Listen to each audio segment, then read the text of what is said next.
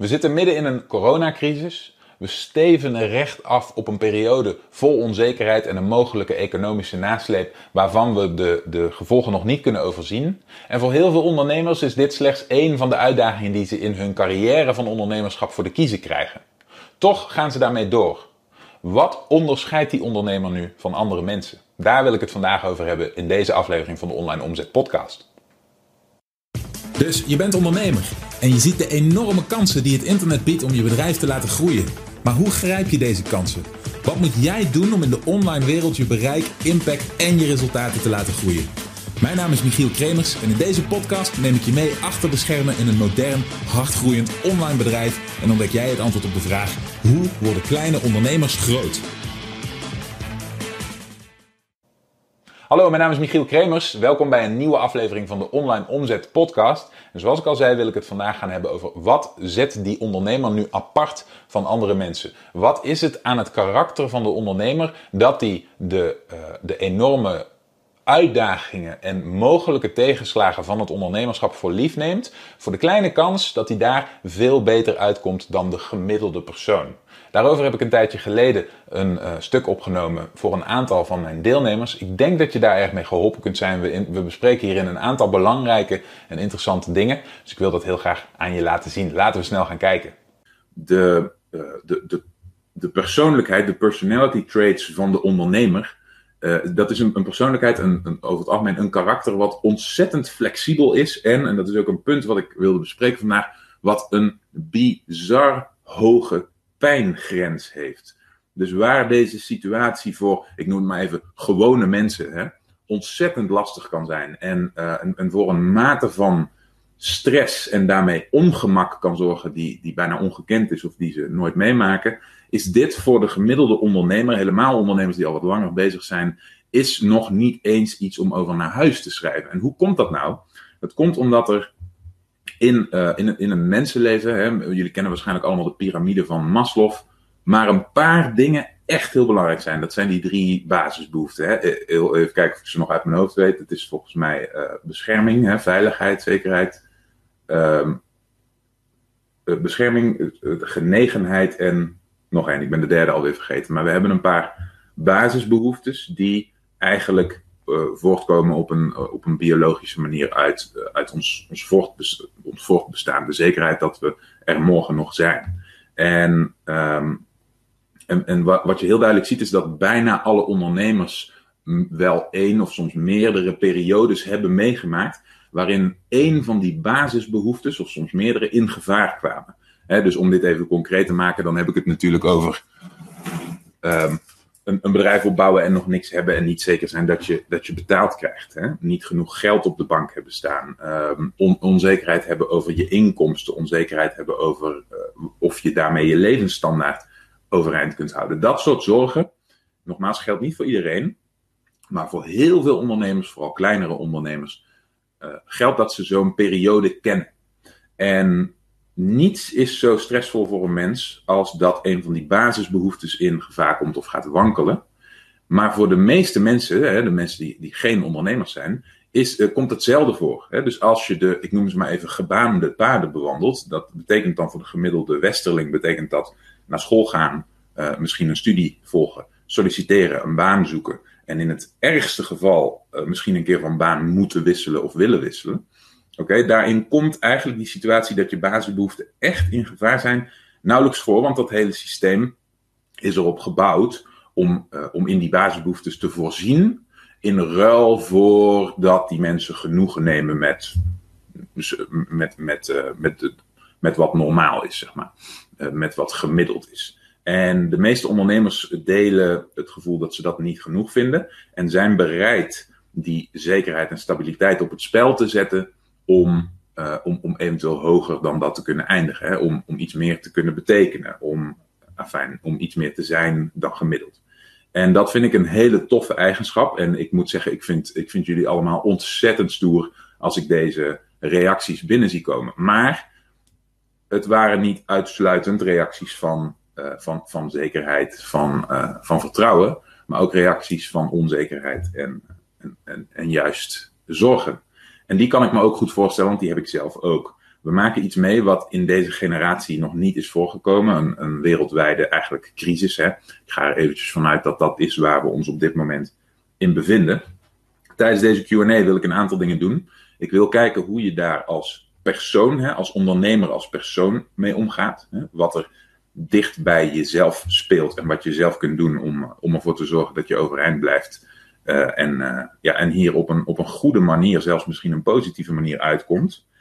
Dan wil ik inzoomen op je bedrijf, op je onderneming. Hè? Dus wat daarin speelt en hoe je omgaat met deze situatie als onderneming, niet ondernemer. En dan wil ik als laatste nog eventjes inzoomen op wat dit mogelijk voor kansen meeneemt en hoe we naar de toekomst kunnen kijken. Nogmaals wil ik jullie eraan herinneren, als je tussendoor vragen of opmerkingen hebt, dat je ze stelt via de chat. Wat ik doe is, ik kijk eens in de zoveel tijd, scroll ik even terug en, uh, voor zover ik kan beantwoord ik de vragen uh, alsnog. Dus daar wil ik mee beginnen. En het, het eerste punt is eventjes dat we, um, dat we voor onszelf de komende tijd heel goed moeten gaan letten op wat zorgt er nu voor dat onze uh, dat, dat wat ervoor zorgt dat we kunnen functioneren als ondernemers in gevaar komt. Oké? En uh, ik zie daarin één hele grote vijand. En uh, ik ben benieuwd of jullie dat inmiddels hebben gemerkt. Maar ik, ik merk het niet alleen in deze situatie, maar over het algemeen. Dat dat geldt voor veel ondernemers, voorheen ook heel erg voor mezelf. En dat is de grote vijand, is reactiviteit. Dus dat je gaat van zelf beslissen, proactief plannen wat je wil gaan doen en werken aan je doelen op een gerichte manier. Dat je daar, in plaats daarvan dat je daarvan wegdrijft naar een situatie waarbij externe prikkels bepalen waar jij over nadenkt, waar je aan werkt, wat je gaat doen. En dit is iets wat ontzettend gevoed wordt door de grote hoeveelheid prikkels die er zijn. En dan bedoel ik eigenlijk als, als concreet voorbeeld de media. Je, je, er, is een, er is een gigantische toename gaande van mediaconsumptie vanwege deze crisis. En dat is niet gek. Want op het moment dat je als mens in onzekerheid zit, dan wil je in eerste instantie uh, die, die onzekerheid de nek omdraaien door informatie in te winnen.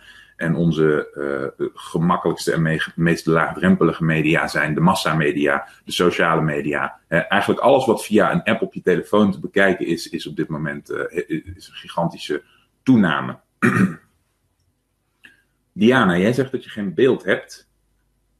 Um, ik ga ervan uit dat je, dat vrij eenvoudig kunt oplossen door, uh, door op het scherm te klikken. Dus de, de, de player werkt als een normale videospeler, maar het signaal is een stream. Dus klik op het scherm, dan zou die het moeten gaan doen. Mocht dat niet werken, dan moet je het misschien even opnieuw opstarten. En wat ook nog het geval kan zijn, is dat in je browser moet een, een, een plugin voor zo'n speler actief worden. Misschien zit die niet in jouw browser en gebruik je een, uh, een verouderde browser of zit er iets niet goed op je computer, dan zou je even moeten kijken of je een andere browser kunt gebruiken. Ga ik door bij waar ik gebleven was. Um, wat we willen bestrijden is die reactiviteit. En uh, het eerste wat ik eens wilde doen is aan jullie vragen of je dit herkent. Of je het gevoel hebt dat reactief worden nu een groter probleem is dan normaal. Of het meer op de loer ligt dan gewoonlijk. En of je, je dit al had gerealiseerd en daar al iets aan doet. En zo ja, wat? Ik zal zelf ook zeker delen wat ik hier zelf aan doe. Ik ben ook erg benieuwd uh, wat jullie zelf zo al, al hebben bedacht en wat je daarmee doet. Diana, jij bent er, uh, bent er inmiddels, dus ik ben blij dat te zien. Ik ben heel benieuwd naar, uh, naar jullie input. Ik zal zelf aftrappen. Ehm, een van de, van, van, de, van de grootste valkuilen die ik bij mezelf heb herkend op het moment dat ik reactief word, is dat de tijd die ik eigenlijk heb gealloceerd, hè, heb, heb ingeboekt voor bepaalde taken en werkzaamheden, wordt gedeeltelijk of soms zelfs geheel opgeslokt door uh, eigenlijk mindless, uh, loos surf- of consumptiegedrag. Dus dan heb je het over inderdaad die massamedia of sociale media of video's of noem het allemaal maar op. Dingen doen die niet zijn wat ik in eerste instantie had gepland. En wat ik heb gemerkt is dat eigenlijk er maar één uh, punt is, één moment is die bepaalt of dat gebeurt. En dat heb ik een triggermoment genoemd. En ik denk dat dat ook een bestaande term is, maar, maar misschien ook niet, misschien verzin ik hem zelf. Dat triggermoment, dat zie ik als het moment dat ik bijvoorbeeld achter een computer ga zitten of uh, s ochtends ben opgestaan en mijn kopje koffie ga drinken. Dan is er een triggermoment op het moment dat ik bijvoorbeeld mijn smartphone pak en iets open op mijn, op mijn telefoon. Of mijn browser opstart en een bepaald tabblad open met een bepaalde pagina die niet is wat ik zou gaan doen op dat moment. Oké? Je ziet dat hier één stap aan vooraf gaat, namelijk dat ik al heb bedacht wat ik eigenlijk zou moeten doen. En dat is cruciaal. Ik zie dat als heel erg belangrijk. Je moet altijd van tevoren uh, bedenken wat je wil gaan doen. Dus je, je werk kan nooit, je werktaken kunnen nooit ontstaan op het moment dat je gaat zitten om te werken, want dat is een open uitnodiging voor reactiviteit. Dat zorgt ervoor dat je zelden de juiste dingen doet. Het, is het, het zijn de momenten waarop je gefocust bent uh, en, en creatief nadenkt over de juiste stappen in je bedrijf, dat je de taken die voldaan moeten worden bedenkt en uitstippelt. En later, hè, als je gaat werken, dan moet je al weten wat die taken zijn. En moet je bij wijze van spreken alleen maar uh, je, je wordprocessor of je videoopnameapparatuur of je website waarin je producten moet toevoegen of wat dan ook openen en het gaan doen. Dus dan moet het alleen nog maar uitgevoerd hoeven te worden. Er moet niet meer nagedacht worden over de taak en de inhoud ervan.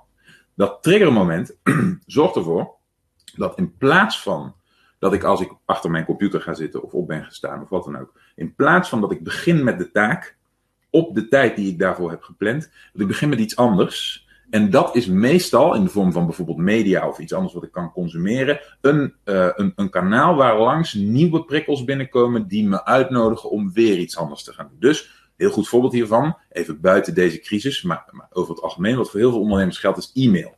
Heel veel mensen komen wel zover dat ze hun werk opdelen in stapjes. Dat ze wel plannen maken en taken of to-do-lists hebben. Maar dat op het moment dat ze achter hun computer gaan zitten, de, de neiging om hun e-mail te openen gewoon ontzettend groot is. En e-mail is echt wat dat betreft een killer, want die staat vol met eigenlijk uh, aandachtsvragen van derden. Hè? Dus dat zijn andere partijen die iets van jou willen. Eigenlijk geldt dat voor iedere e-mail altijd. Je moet maar eens kijken of je, of je het voor elkaar krijgt om per e-mail jezelf de vraag te stellen: wil deze persoon of partij iets van mij? Dan zul je zien dat het antwoord zelden nee is. Het is zelden zo dat er een e-mail in je inbox komt die je kunt openen, waarbij je bijna zeker weet, met, bijna met zekerheid kunt concluderen: die persoon hoeft niet iets van mij. Oké, oh, dit is iets waar ik iets aan heb of wat volledig in mijn voordeel is. Bij e-mail is dat zelden het geval. En dat is een voorbeeld daarvan. Voor andere mediums geldt dit natuurlijk ook. Media geldt dit natuurlijk ook.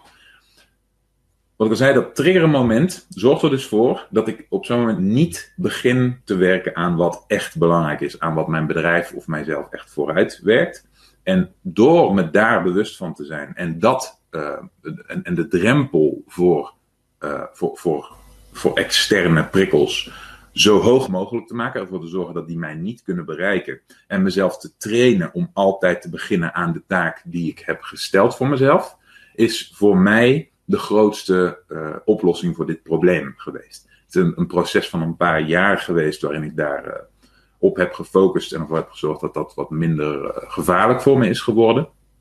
Maar, maar dat, dat heeft de grootste impact gehad. Ik ga heel even kijken naar wat jullie zelf zo al hebben meegemaakt. En wat jullie zelf voor oplossingen hebben hiervoor. John, jij zegt ik probeer nu net nu in te spelen op kansen die er liggen. En ik ben meer actief in mijn marketing. Heel goed om te horen. Um, ja, jij, jij hebt uh, deze. Jij hebt voor jezelf besloten dat dit niet per se negatief hoeft te zijn. En daar kom ik zo direct ook absoluut op terug. Waar ik voor nu vooral benieuwd naar ben, is wat zijn de, de, de valkuilen en wat doe je daar zelf aan? Robert Paul bijvoorbeeld zegt: Ik heb maar één of twee nieuwsbronnen. Kies één of twee nieuwsbronnen waar je vertrouwen in hebt. En die, die bekijk je één of twee keer per dag volgens je normale dagindeling. Nou, dat is misschien ook een goed punt om eventjes op in te haken. Ik heb eergisteren een, een video opgenomen uh, over uh, ditzelfde onderwerp. Over de coronacrisis en wat dit betekent voor ondernemers. Wat ik zelf zoal doe om, om daarmee om te gaan. En daarin noemde ik dit punt ook. Je moet op dit moment heel erg selectief worden in welke media je überhaupt toelaat in je leven en hoeveel je ervan toelaat in je leven. En Robert Paul, jij geeft hiervan een, een, een heel goed voorbeeld. Dus je, je moet overtuigd zijn van de betrouwbaarheid van die media, van die kanalen. En je moet zorgen dat je de hoeveelheid, dat je de beschikbaarheid van jezelf voor die media heel erg limiteert. Ik zelf uh, had dus de suggestie gegeven om één kanaal te kiezen En dat slechts één keer per dag te checken. En als voorbeeld, ik controleer zelf één keer per dag het RIVM om te kijken hoe het ervoor staat in Nederland met de coronabesmettingen, met het uh, aantal uh, mensen wat daar helaas aan is, is gestorven, uh, om, de, om, om een, een, beeld bij mezelf te, te, behouden van de, de situatie in, in Nederland, wat berust op een in mijn ogen zo betrouwbaar mogelijke dataset. Oké, een ander voorbeeld wat ik gaf is een cursus virologie die ik, die ik ben gaan volgen van de University of Columbia in de, Verenigde Staten, um, waarbij een, een professor in virologie niet alleen het, het brede plaatje van virussen tot in enorme diepte uh, uitlegt in een, een, aantal lectures. Het, het, zijn er heel veel, volgens mij zijn het er inmiddels meer dan twintig.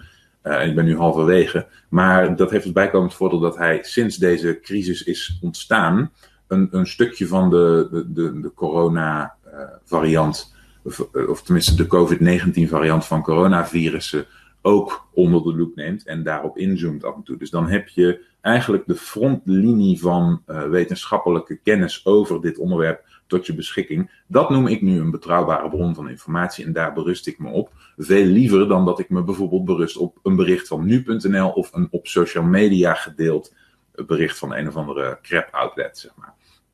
Uh, dus dat zijn voorbeeldjes. Dus Robert Paul, heel goed punt. Uh, wees heel selectief in de media die je toelaat. En dat brengt me meteen weer terug bij dat stukje reactiviteit. Hè? Het toelaten van heel veel uh, verschillende berichtgeving via verschillende kanalen zorgt ervoor dat de kans dat er daar één tussen zit die jou raakt, hè? waarbij je een emotionele reactie hebt, waarbij je je toch zorgen gaat maken, terwijl je misschien helemaal nog geen zorgen maakt, wordt steeds groter. En je wil dat voorkomen. Oké, Je wil hierover zo rationeel mogelijk blijven denken en zo betrouwbaar mogelijke data ter beschikking hebben. Irene, jij gaf aan dat jouw vraag precies hierover ging, reactief of niet. Of je doorgaat met je doelgroep uh, en pitcht met wat je van plan was, of dat je nu je boodschap aanpast omdat de wereld er momenteel anders uitziet. Je zegt, ik maak e-learning modules. Het is misschien een goed, uh, goed idee om even te vermelden waar die e-learning modules over gaan.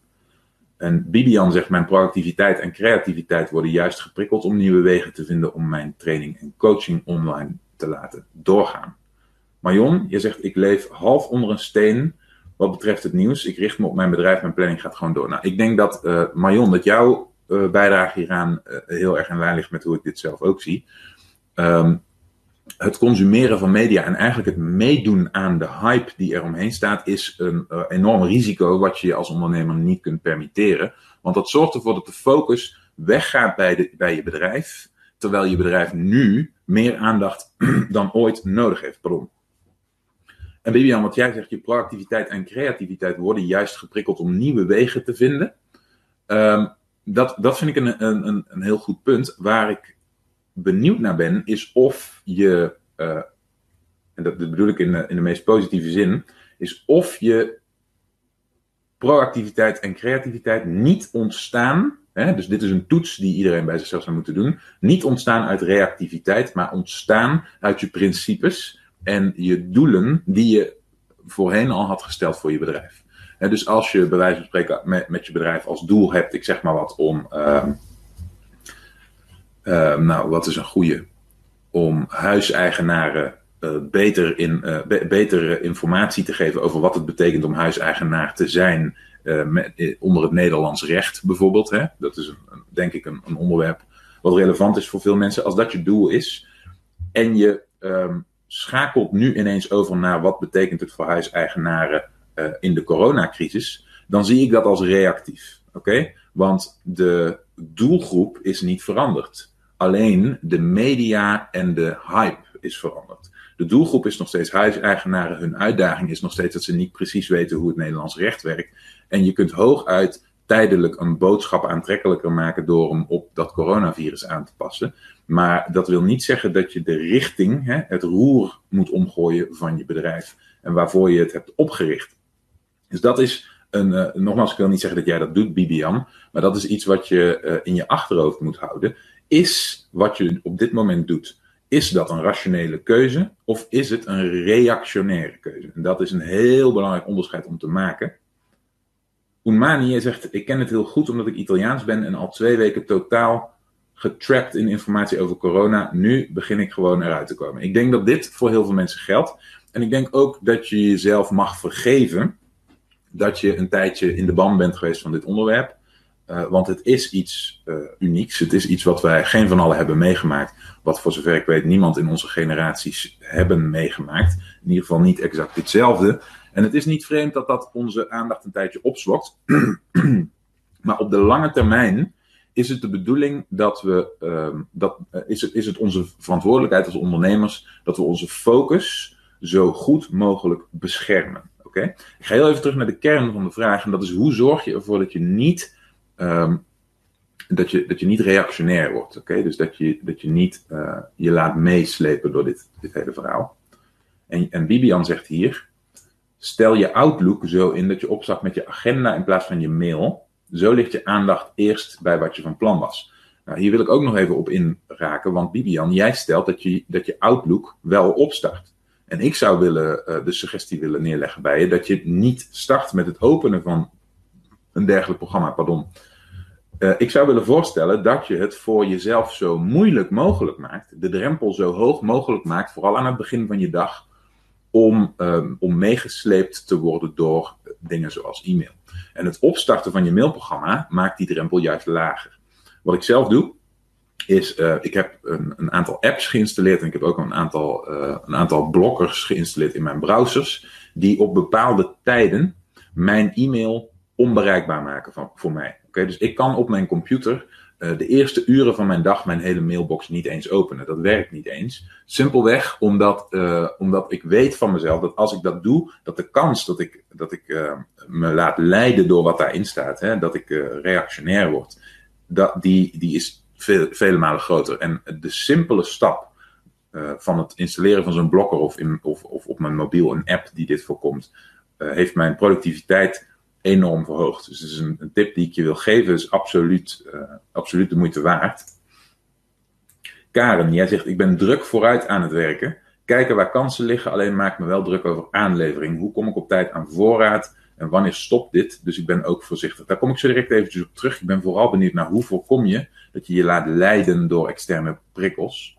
Esther, opnemen van online lessen is in een sneltrein gegaan, omdat we de reguliere lessen niet kunnen geven. We hebben voor de leden nu een les gemaakt. Nu willen kijken of ik deze kan omzetten naar opt-in. Daar kom ik zo ook eventjes op terug. Lorenz, een deel van jouw activiteiten staan stil. Dus je investeert extra tijd en energie in online sales en verbeteren van je websites. Ja, hartstikke goed. Um, dit zijn allemaal onderwerpen waar ik zo direct eventjes op, uh, op wil terugkomen. Waar ik mee wilde beginnen was om eventjes in te zoomen op jouzelf als ondernemer. Dus nogmaals, de, de, een aantal van de reacties die ik hier zie, die gaan al over de onderneming en niet zozeer over jou als persoon. En daar komen we zo direct op. Maar voor nu is het heel belangrijk om goed voor jezelf te zorgen. Dus jij als mens bent de drijvende kracht van je onderneming. En als, voor de meeste ondernemingen geldt gewoon dat als de ondernemer wegvalt, helemaal als je niet een heel team om je heen hebt en managementlagen, zoals voor de meeste van ons geldt, dan, uh, dan, dan loopt de, de onderneming een veel groter risico. Dus je, ik denk dat je eerste prioriteit op dit moment zou moeten zijn goed voor jezelf te zorgen. En dan bedoel ik niet de inkoppertjes als, uh, als, als eet voldoende groenten en dat soort dingen. Hoewel dat natuurlijk ook heel belangrijk is. Maar zorg ervoor dat jouw gezonde routines niet overboord gaan vanwege de coronacrisis. Vanwege alles wat om je heen verandert. Nogmaals, extern verandert er op dit moment een heleboel. En wij moeten ervoor zorgen dat we dat externe niet toelaten binnen onze directe omgeving. Dus binnen onze bubbel, noem ik hem maar even. Als jouw normale routines zijn om op een bepaalde tijd op te staan, hè, om, om bepaalde tijden te werken, om bepaalde voedingsstoffen tot je te nemen, om, uh, om gezond te eten, om voldoende groenten binnen te krijgen, om voldoende te drinken, om, uh, om te bewegen, al dat soort dingen. Als dat je normale situatie is, hè, en op dit moment zijn een paar van die dingen uh, door externe factoren onder vuur komen te liggen. Stel dat je niet gemakkelijk aan voldoende groente kunt komen in de supermarkt, of stel dat je sportschool dicht is. Oké, dan is dus binnen al je prioriteiten is goed voor jezelf zorgen een van de hoogste. Dus is het nadenken over wat jij kunt doen op dit moment om die problemen op te lossen, is, uh, is, is een, uh, een, een, goed idee, is een, een, een ehm, is een. een ehm, ik, ik, het, woord ontschiet me even. Een, ehm, ja, nou ja, goed, een, een, goed idee. Dus daar moet je je prioriteit bij leggen. En uh, voor mijzelf geldt bijvoorbeeld dat mijn sportschool dicht is. Ik train Braziliaans Jiu-Jitsu, een verdedigingssport. Die, uh, die, die sportschool is op dit moment gesloten, dus ik kan dat op dit moment niet doen. Um, dus ik weet dat als ik niet sport en niet in beweging blijf, dat dat een risico gaat vormen voor mij en mijn gezondheid. En dat ik de drijvende kracht ben in mijn ondernemingen. Dus is mijn prioriteit ervoor zorgen dat dat niet gebeurt. Ik ben begonnen met sporten, hardlopen, dat soort dingen. Uh, op mijzelf buiten die georganiseerde sportschool om. Ik, ik denk dat dit soort dingen heel erg belangrijk zijn. En deze punten zijn niet secundair. Dus het is niet dat je je dagen begint met nadenken over je bedrijf. En dan daarna over jezelf, maar andersom. In de eerste instantie over jezelf, daarna pas over je bedrijf. Ik denk dat dat heel belangrijk is om te doen. Um, het, het, volgende belangrijke punt waar ik het over wil hebben is: wij beginnen onze bedrijven met een bepaald doel. En daar, daar kwam ik net al kort al heel even op. Iemand die informatie aan huiseigenaren geeft, wil in principe zorgen dat hij dat, hij dat blijft doen het is heel belangrijk om je hogere doel van, van je onderneming helder te houden in deze tijd en daar naartoe te blijven werken. Dat betekent dat de manier waarop je kom, er komt, kan beïnvloed zijn door deze crisis. Kan beïnvloed zijn door het feit dat we in een recessie terecht gaan komen, het feit dat de economie minder hard draait, het feit dat, dat er misschien sommige partijen minder investeren of mensen minder geneigd zijn te kopen. Dat kan. Maar dat wil niet zeggen dat dat doel verandert. En wat ik uh, een aantal mensen heb zien doen de afgelopen tijd is, en dat zie ik ook aan het type vraag wat langskomt, is um, die zijn gegaan van bijvoorbeeld een bepaalde doelgroep willen helpen of een bepaald probleem van een markt op willen lossen, wat in mijn ogen het bestaansrecht van een onderneming is, zijn ze gegaan naar, oh jee, oh jee, oh jee, hoe kan ik ervoor zorgen dat ik nog wel genoeg geld verdien? En hoe kan ik ervoor zorgen dat ik, eh, dat ik bij wijze van spreken mezelf veilig stel? En het probleem is dat op termijn een onderneming niet kan overleven op het doel geld te verdienen voor jou. Een onderneming op termijn overleeft op het doel dat je een uh, probleem oplost voor markt. Dat je een doelgroep hebt met een uitdaging en dat jouw waarde zit in het wegnemen van die uitdaging probeer dat gedachtegoed bij jezelf te bewaken. En probeer niet in de valkuil te stappen dat je alleen nog maar, want ook dat is weer reactief, ingaat op hoe kan ik uh, mijn, mijn omzetten beschermen enzovoort enzovoort. Tuurlijk, wat korte termijn denken kan goed zijn, maar, uh, maar je lange termijn denken mag niet onder het tapijt geschoven worden.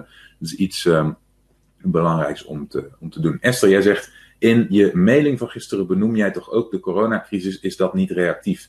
Um, nou, in, zoverre niet dat mijn doel nog steeds hetzelfde is. Dus het doel van mijn onderneming, hè, dus eigenlijk hetzelfde punt wat ik net schets, is om, om ondernemers, andere, onderneem, om andere ondernemers te helpen online hun uh, aan de man te brengen en online uh, te ondernemen. En wat we, wat we op dit moment aan het doen zijn, is in mijn ogen onderdeel daarvan. Mijn doel, hè, ik ben succesvol als mijn klanten ook succesvol worden en vooruitgang boeken. En uh, zoals ik het zie, draag ik daar op dit moment aan bij. Ik wil ook zeker niet zeggen dat je je kop in het zand moet stoppen. En dat brengt me ook bij het volgende punt. We moeten realistisch worden. Oké, Het is heel belangrijk dat we, um, dat, we, dat we, nogmaals, niet reactief, maar wel realistisch worden. Die coronacrisis die is er. En die gaat niet zo 1, 2, 3 meer weg. We hebben de, de toespraak van onze minister-president waarschijnlijk allemaal gehoord. Ik vond het overigens een erg goede toespraak. Ik kon me er helemaal in vinden. En ik uh, ben ook best wel positief over de manier waarop Nederland hiermee omgaat. Uh, maar goed, dat terzijde. Um, hij zei het ook al, dit virus is er en het gaat invloed hebben op onze economie. Dus we hebben er niets aan om vervolgens met z'n allen te gaan doen alsof dat niet zo is. En dat wil ik ook niet, uh, niet propageren hier, niet pretenderen. Dus we moeten realistisch zijn. Maar tegelijkertijd moeten we ervoor zorgen dat we ons hogere doel niet uit het oog verliezen. Nou, da daar kom ik zo direct op terug. Want er zijn een aantal dingen die je nu op korte termijn kunt doen, die op dit moment mogelijk beter gaan werken voor je. Um, Bibian, jij zegt: Mijn doelgroep is nog steeds hoofdzakelijk kantoorpersoneel, effectiever en efficiënter leren te werken. Oké, dus een, heel mooi voorbeeld, Bibian. Op dit moment ligt daar in mijn ogen een kans. Je, uh, het stukje uh, het, het stukje realisme daarin is dat heel veel van jouw doelgroep nu misschien thuis aan het werken zijn. En dat dat misschien voor het eerst is. Hè? En, en, en het stukje proactief hierin is dat je daar jouw boodschap op, op kunt uh, specificeren. En dat nog steeds jouw hogere doel dan is kantoorpersoneel effectiever en efficiënter le leren werken. Maar dat je dit nu bijvoorbeeld toespitst op een thuiswerksituatie. Dan speel je perfect in op deze situatie en, uh, en, en, en, grijp je de kansen die liggen voor je. Dus ik denk dat dat een goed punt is. Um, John, jij zegt: Mijn eerste taak s morgens is mails controleren, omdat we dagelijks bestellingen hebben en direct afgehandeld moeten worden. De vraag die je zou moeten stellen, John, is: Als dat iets is wat per se s ochtends moet, en als dat één hele concrete taak is, zou jij die taak als ondernemer dan uit moeten voeren? Of zou je dit eigenlijk bij iemand anders neer moeten leggen? Dat is, dat is denk ik een, uh, een overweging. Femke, jij uh, vindt het fijn dat aantal, een aantal dingen die je al dacht beaamd worden. Dus dat is goed om te, om te horen. Goed, ik ga uh, verder met het volgende punt. Um, in deze situatie, we zijn nog steeds bij wat je, wat je voor jezelf kunt doen. Ik kom zo direct bij je onderneming. Is het heel erg belangrijk dat je jezelf ontwikkelt en dat je je realiseert dat je nu in een situatie zit die, uh, waar, je van, uh, van kunt leren. En die, uh, een, een, goed voorbeeld hiervan vind ik, ik hoor, ik, ik, las een, artikel van iemand die, die, dat ging over kritiek op mensen zoals Warren Buffett en, en nog een aantal die, die mensen zoals Warren Buffett, die, uh, die hebben al zo'n crisis meegemaakt en die, die zijn daardoor weerbaarder en die weten wat ze kunnen verwachten. Uh, en die, die, wachten bijvoorbeeld met het doen van investeringen juist tot zo'n situatie optreedt, omdat alle markten dan inklappen en kunnen hun slag dan slaan. En dan wordt ze um, kwalijk genomen, dat, nou ja, kwalijk genomen, dan wordt, dan wordt er gezegd, ja, maar zij hebben dit al meegemaakt in, een, in, in de voorgaande crisis. Deze crisis die we nu meemaken, vormt jouw educatie, jouw ontwikkeling over financiële crisissen of, of dit soort grote crisissen in de samenleving. Oké, dus in de toekomst ben jij degene, als dit soort dingen gebeuren, die dat al heeft meegemaakt. Dit is het moment waarop jij leert wat er in zo'n situatie allemaal gebeurt, zodat je daar in de toekomst op een betere manier mee om kunt gaan. Dus als je niet goed was voorbereid op wat er nu gebeurt, hè, dat geldt voor de meeste van ons, denk ik, eh, niemand kon dit aanzien komen. Als dat uh, de realiteit is, zorg er dan voor dat je op zijn minst nu bewust bent van wat je om je heen ziet gebeuren.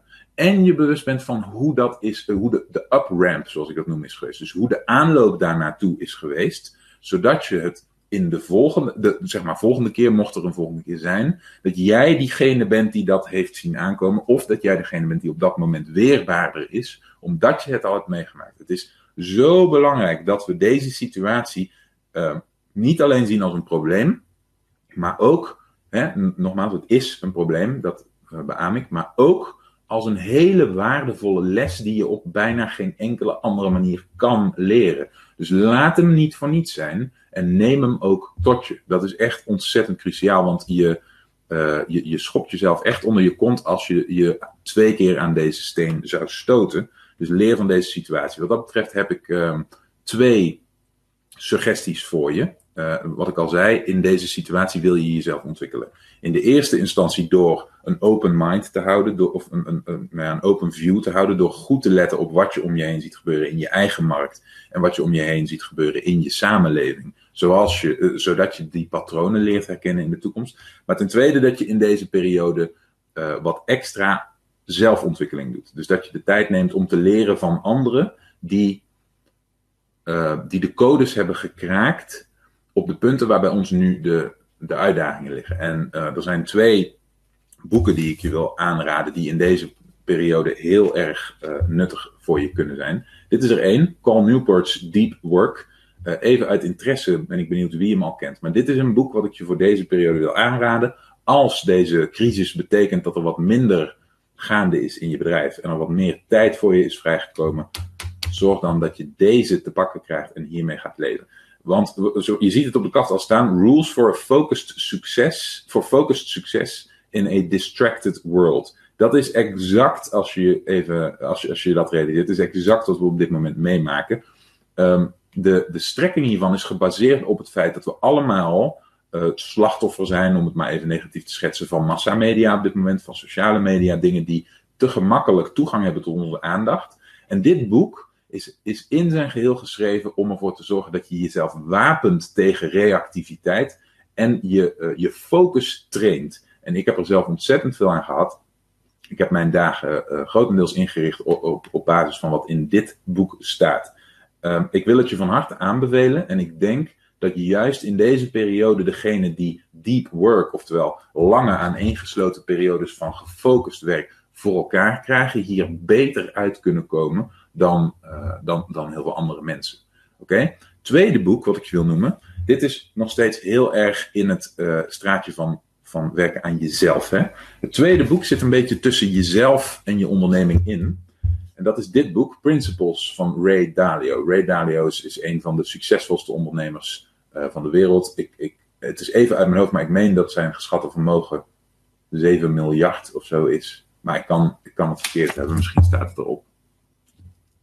Nee, maar een, uh, in ieder geval een astronomisch uh, bedrag waar die man, wat die man waard is. En dit boek is zijn, eigenlijk is zijn, zijn, zijn zijn memoirs. Is, hij is zijn carrière aan het afronden als professional. Hij is de, de stichter van een, een uh, heel grote financiële instelling, een, een, investeringsmaatschappij in de Verenigde Staten, eigenlijk ook wereldwijd.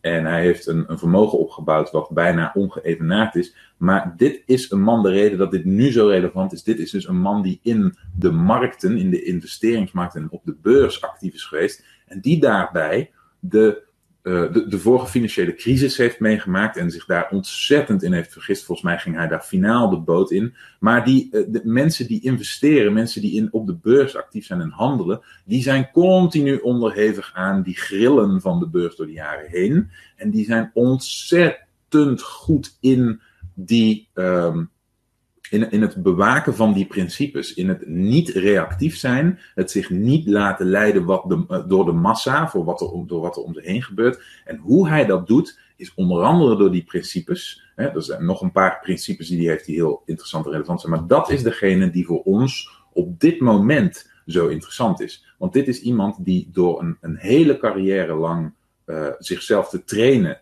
om, uh, om, om zeg maar, zich niet te laten beïnvloeden door de massa en geen schaap te zijn, daar komt het eigenlijk op neer, zelf na te denken en data, realistische datasets te verzamelen, daar zijn keuzes op te baseren, uh, ontzettend succesvol is geworden doordat hij daardoor ahead of the curve blijft.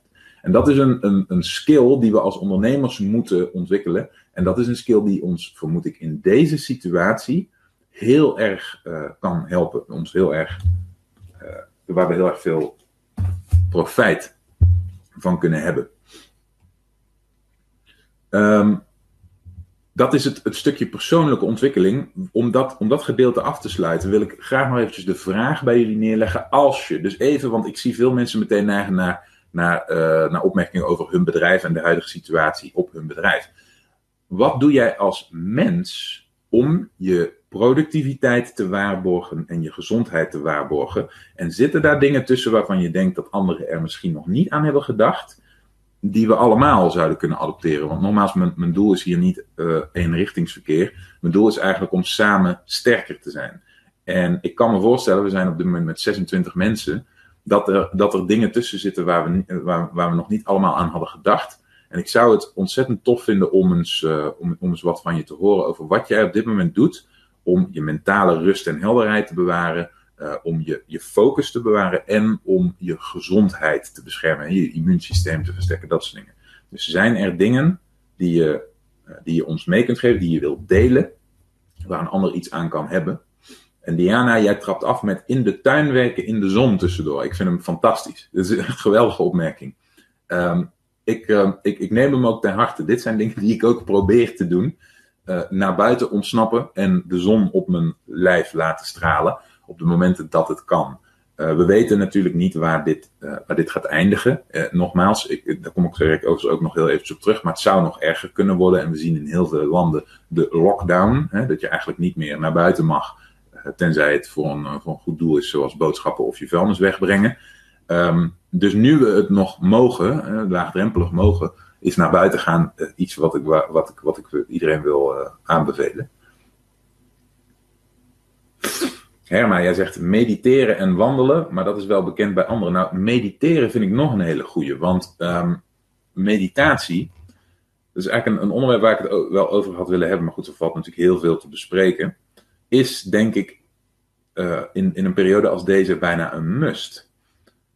Misschien heb je me het eerder over het onderwerp meditatie horen hebben. Ik zie meditatie, uh, nogmaals, uh, iedereen, er zijn wat verschillende opinies over. Ik zie meditatie als volgt ik zie het als een manier om je hersenen te trainen om zich niet af te laten leiden door, door de monkey mind, maar, door random opkomende gedachten. Wij zijn patroonzoekende zoogdieren, dat heeft ons succesvol gemaakt. Dus ons brein is continu bezig met het proberen te koppelen van verschillende, eigenlijk in uh, ogenschijnlijk random gedachten, om daarin patronen te zien. En om dat te doen, roept het continu gedachten op en probeert die te koppelen aan andere gedachten. En dat is wat we waarschijnlijk allemaal herkennen als we onze gedachten de vrije loop laten. Dan kun je van, uh, van het ene punt naar een totaal ongerelateerd punt gaan in heel weinig tijd. Maar dat gebeurt allemaal door gerelateerde tussenstapjes. Heel vaak tenminste, hè? niet altijd, want er is ook zoiets als random gedachten. Maar heel vaak gebeurt dat met allemaal kleine tussenstapjes, waarbij je begint bij punt A. Je denkt over een auto, dan denk je over een autospiegel, dan denk je over de spiegel in je, in je huis, dan denk je over dat je voor die spiegel stond en waar je toen aan dacht. Dan denk je aan dat je buiten liep met een winterjas, dan denk je aan je winterjas, dan denk je aan een portemonnee in je winterjas en dan denk je aan uh, je pinpas en dan denk je aan naar de bank gaan. Hè? Dan heb je een enorme stap gemaakt. Dat is dat patroon zoeken. En dat, uh, dat, als dat systeem aanstaat, want dat is een, een evolutionair geprogrammeerd systeem om ons uh, vooruit te brengen, uh, om ons, onze ontwikkeling te stimuleren. Als dat systeem aanstaat, is het heel moeilijk om als modern 21ste eeuw mens achter een computer bepaald werk te verrichten. Okay? Het lijkt je heel erg af. Wij zijn niet gemaakt om uh, gefocust urenlang in een Word-document te typen. Wij zijn gemaakt om heel hard achter een, een antilope aan te rennen, bij wijze van spreken. Dus um, die monkey mind, die, die is niet getraind. Hè? Dat continu uh, op laten komen van gedachten, dat tegengaan, dat hebben we nooit gedaan. En ik zie meditatie als de training om dat te leren. Dus om ervoor te zorgen dat op het moment dat een gedachte opkomt, hè, dat is hoe de meeste mensen meditatie leren, hem vervolgens weer los te laten. Er zijn verschillende manieren om dat te doen, maar daar komt het vaak op neer. En um, wat, we, wat we vaak merken als we wat langer mediteren, is dan wordt het makkelijker voor ons om gedachten die in ons opkomen weer los te laten en ze niet. Um, en, en ze ons niet mee te laten sleuren in zo'n stapjes van patroonherkenning situatie. Oké, zoals je ziet is er een wezenlijk verschil tussen de gemiddelde persoon en de ondernemer. In dat karakter zit echt een groot verschil. Als je nu bij jezelf denkt, ik herken die tegenslagen, ik herken die uitdagingen en ook ik heb soms het idee dat ik het allemaal niet meer overzie en, en ga twijfelen over of ik er wel kan komen. Als dat zo is, dan denk ik dat ik je misschien kan helpen. In het programma Het Exponentiële Omzet Ontbrandingstraject help ik ondernemers bij het overkomen van de standaard uitdagingen die we allemaal voor onze kiezen krijgen als we beginnen met ondernemen op het internet. We doorlopen stap voor stap een traject waarbij je jouw eerste verkooptraject op het internet opbouwt en gaat van nog niets online hebben naar structureel en geautomatiseerd je verkopen via internet kunnen laten plaatsvinden. Als dit iets is waar jij interesse in hebt, dan is deelname misschien een goed idee. Ga in dat geval naar onlineomzet.com slash interesse en vraag een gesprek aan met mij of een van mijn collega's. Dan kijken we samen of deelname een goede oplossing voor je zou zijn. Ik kijk, heel, ik kijk er heel erg naar uit om je te spreken en ik hoop natuurlijk dat ik je terugzie in de volgende aflevering van de Online Omzet Podcast. Tot snel. Bedankt voor het luisteren. Heb je iets aan deze aflevering gehad of heb je een vraag? Laat het me weten via de comments. En vergeet niet te abonneren. Dan blijf je op de hoogte van alle tips en strategieën waarmee jij als moderne ondernemer groot kunt worden. Voor een overzicht van alle afleveringen ga je naar onlineomzet.com/podcast.